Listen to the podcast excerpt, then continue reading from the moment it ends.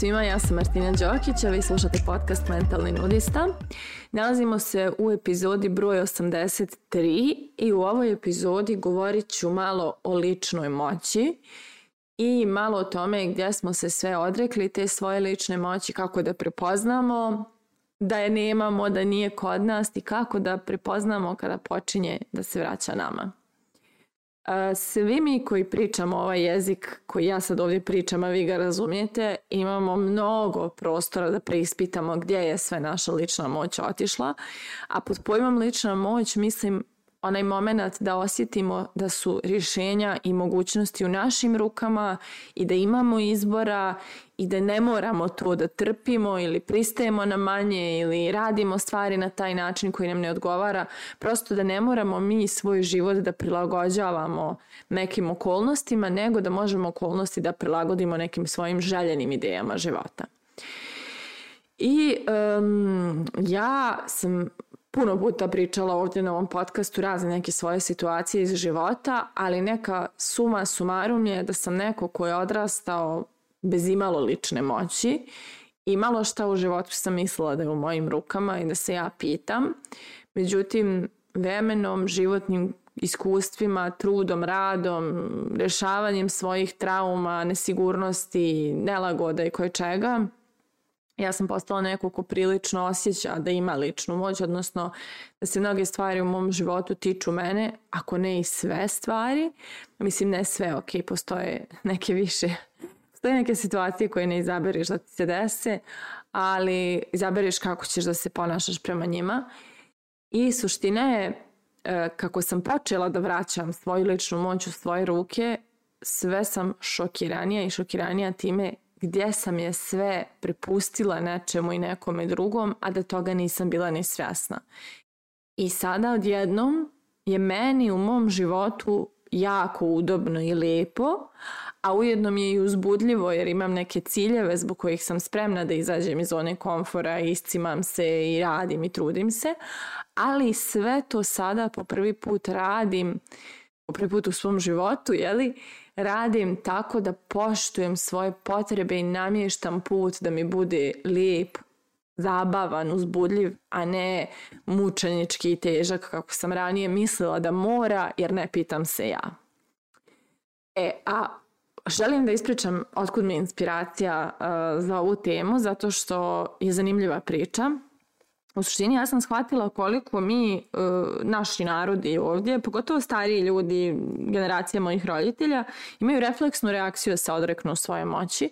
I Marcello de facto je snimio jednu super pjesmu koja se zove Jebiga, gdje prilično objašnjava taj segment. Ali evo jedne lične priče. Znači, prije par dana sjedila sam sa svojim roditeljima, bila sam na ručku kod njih i moj brat nije bio tu, ali je slao poruke u našu porodičnu Viber grupu. I moj brat sada živi u stanu gdje smo nekada živjeli svi zajedno i on zna, ima tu jedna komšinica koja tako nije baš sva sabrana i ona vozi neki auto koji je tako sav izlupan jer ga stalno negdje udara. I uglavnom šalje brat u našu grupu kao je ljudi, ja ovo gledam sa prozora kako je ta komšinica e, zapucala se u parkiran auto tuđi i onda je samo se isparkirala, izbrisala i parkirala se ono iza zgrade da se ne vidi da je ona to uradila. I ja kažem, ja sad da sam tu, ja bi napisala poruku čovjeku čiji auto upravo ono udaren, samo da zna, auto ti je udarila ta i ta osoba na toj i toj adresi, tako se zove, živi na tom spratu i ostavila bi mu poruku jer prosto vidjela sam to i imam potrebu da ispravim, jel? I ovaj, ne prođe 10 minuta, šalje brat, e, samo, e, kao evo sad sam vidio čovjeka, rekao sam mu ko je, uhvatio se za glavu, nju poznaje, zahvalio mi se i to sve. I moja mama koja u tom trenutku šalje, znači tu sjedi pored mene i šalje u grupu, e, gledaj samo da te ne oda njoj. I ja se okrećem ka mami i kažem, a zašto? Što, šta je problem da, da oda komu je rekao? Pa kao, znaš, ona je malo tako, nije baš zgodna, nezgodna je, znaš, Preko dobro šta, moj brat koji ima dva metra preko leđa treba da se plaši nje sad, što je ona malo nezgodna, šta, ne razumijem. Pa nije nego šta znam da ono kao ne, ne, ne, ne, nemamo probleme. Reko, nas četvoro se stikiramo da li ćemo da imamo problem sa njom jednom ženicom koja je pritom tako malo čaknuta da se izrazim I sad mi treba da se krijemo što smo radili nešto što je ispravno, umjesto da nju bude sramota što je radila nešto što je neispravno.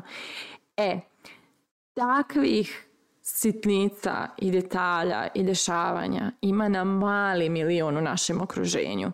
I ja toliko imam fokus sada podešen da primijetim koliko se ljudi odriču lične moći da mi je strašno kada sve to čujem i vidim.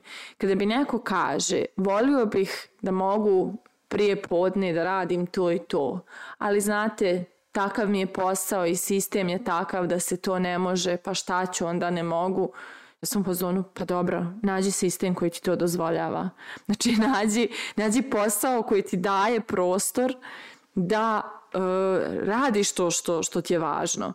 Znači, mi živimo u 21. vijeku, eh, svijet je naše tržište. Ako ne znaš engleski, idi na časove engleskog, nauči engleski, onda nađi posao na internetu na kojem možeš da radiš kako ti želiš, u koje vrijeme želiš. Mislim, sve su opcije otvorene. I ja vam ne znam da objasnim to koliko smo mi u stanju da se odreknemo lične moći, jer smo vidjeli neki obrazac da se određene stvari moraju raditi na tako i mora se tim koracima ići. I evo ja znam kad sam otišla u Austriju, filozofija ljudi sa Balkana koji žive u Beču, evo konkretno, jeste kad dođeš prvo moraš dobro da se napatiš, jedno dve godine, moraš da naučiš njemački jezik jer oni će čitav život da te mrcvare zato što ne znaš njemački jezik itd. itd. I oni zauvijek tako sitnim koracima stižeš do nekog pristojnog života.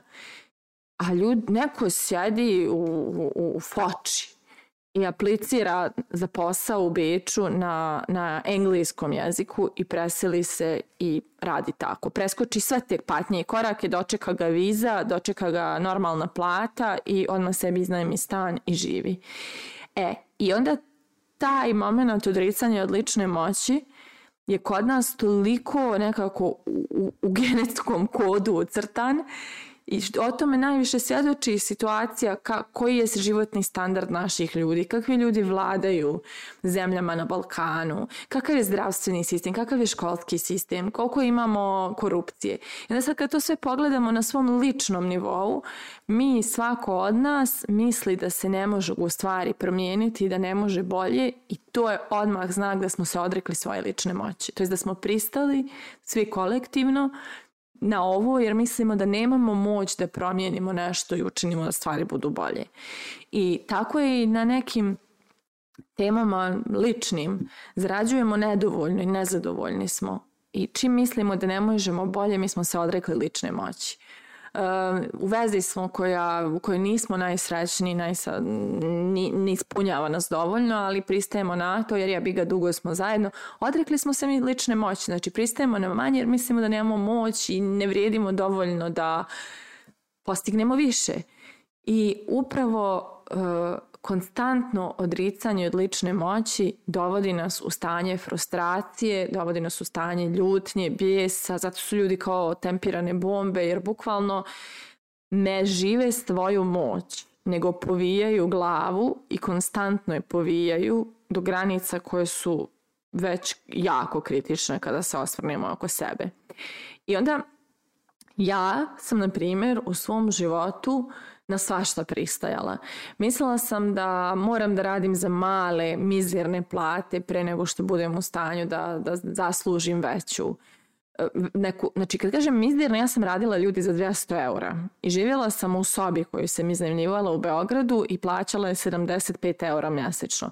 I evo sad kad bacite to na papir, toliko sam ja mjesečno živjela i znam da se može, ali se ne mora ali sam ja u svojoj glavi mislila da se mora tako i pristajala na to kao da ja ništa ne vredim i ne može drugačije nego eto takav je život i to su koraci kojima se mora ići.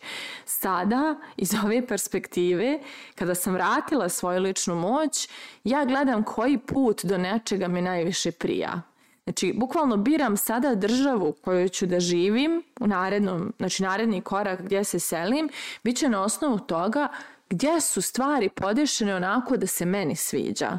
Znači da ja sve što smatram dobrim, zabavnim, udobnim, e, zanimljivim bude baš tako podešeno. Eh, jer vratila sam svoju ličnu moć i svijet mi je na dlanu. Isto recimo, ne znam, evo sad tražimo eh, nekoga da, nam, da nas uči engleski jezik, pošto zbog narednih nekih karijernih koraka i dešavanja mojih poslovnik treba će mi vrlo dobar, odličan engleski jezik će mi trebati. I sad imali smo čas sa jednom djevojkom uh, i nekako činilo mi se, nije mi sjelo, nije, nije nekako bilo topline, zainteresovanosti za naše teme, nekako uopšte nije bilo neke, neke razmjene, nego nekako činilo mi se kako ja to zovem da je bilo odrađivanje. I sad, kada sam rekla da hoću, mislim, kada sam popričala sa koleginicom svojom i prijateljicom da nađemo nekog drugog, ona je bilo fazon, pa dobro, okay, mogli smo da učimo engleski sa ovom, ali ajde, ako tebi treba neko drugačiji, nekog drugačijeg ćemo. A ja sam fazonu, ali ja želim nekog s kim će mi biti uzbudljivo da učim. Znači, neću se odreknem moći da izaberem kakve tačno časove želim. Znači, ja imam moć da sebi izaberem i platim predavača koji će meni da napravi, da mi zviždi sve, da jedva čekam te časove, da, da, da upijem začasto znanje. E, znači, od tih sitnica do, do krupnih životnih odluka važno je da revidiramo gdje je naša moć gdje smo povili glavu, gdje smo, gdje smo spoznali da nešto ne možemo, gdje smo svoju snagu predali nekom drugom. I evo gledam, zaratilo se to, znate, pratite i sve, i gledam očeve koji se razdvajaju od djece i plaču. Ja sam to prošla, moj otac je vojno lice, on je proveo pet godina na ratištu. Ja sad da imam svoju porodicu, ako je moja najvažnija stvar na svijetu da budem s tom porodicom i da budemo dobro. Nema te politike i te situacije koja će mene razdvojiti od moje porodice. Znači, nema tog sistema koji ja neću preveslati, uhvatiti krivinu, pobjeći u drugu državu, preplivati rijeku, more, okean, šta god treba da ja budem sa svojom porodicom i sklonim se iz takve situacije. Znači ja sam pitala moje roditelje zašto niste otišli za inostranstvo, zašto smo ostali pet godina da budemo u ratu, ali oni nisu osjećali da to ovaj, da uspijevaju. Pokušali su da se vratiti za Srbiju kada je krenuo rat u Bosni, ali nisu dozvoljavali ocu zato što nije tamo rođen. I oni su, eto tako, ja bi ga, to je to.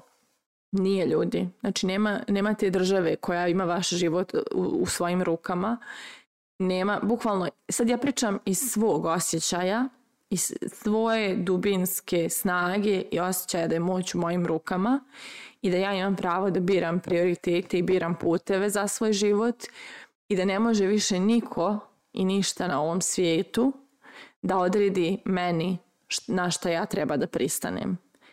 E, nikad se nisam osjećala jači kao sada, a vjerovatno postoji još ogroman put ispred mene da tek otkrijem u čemu sve ima moć.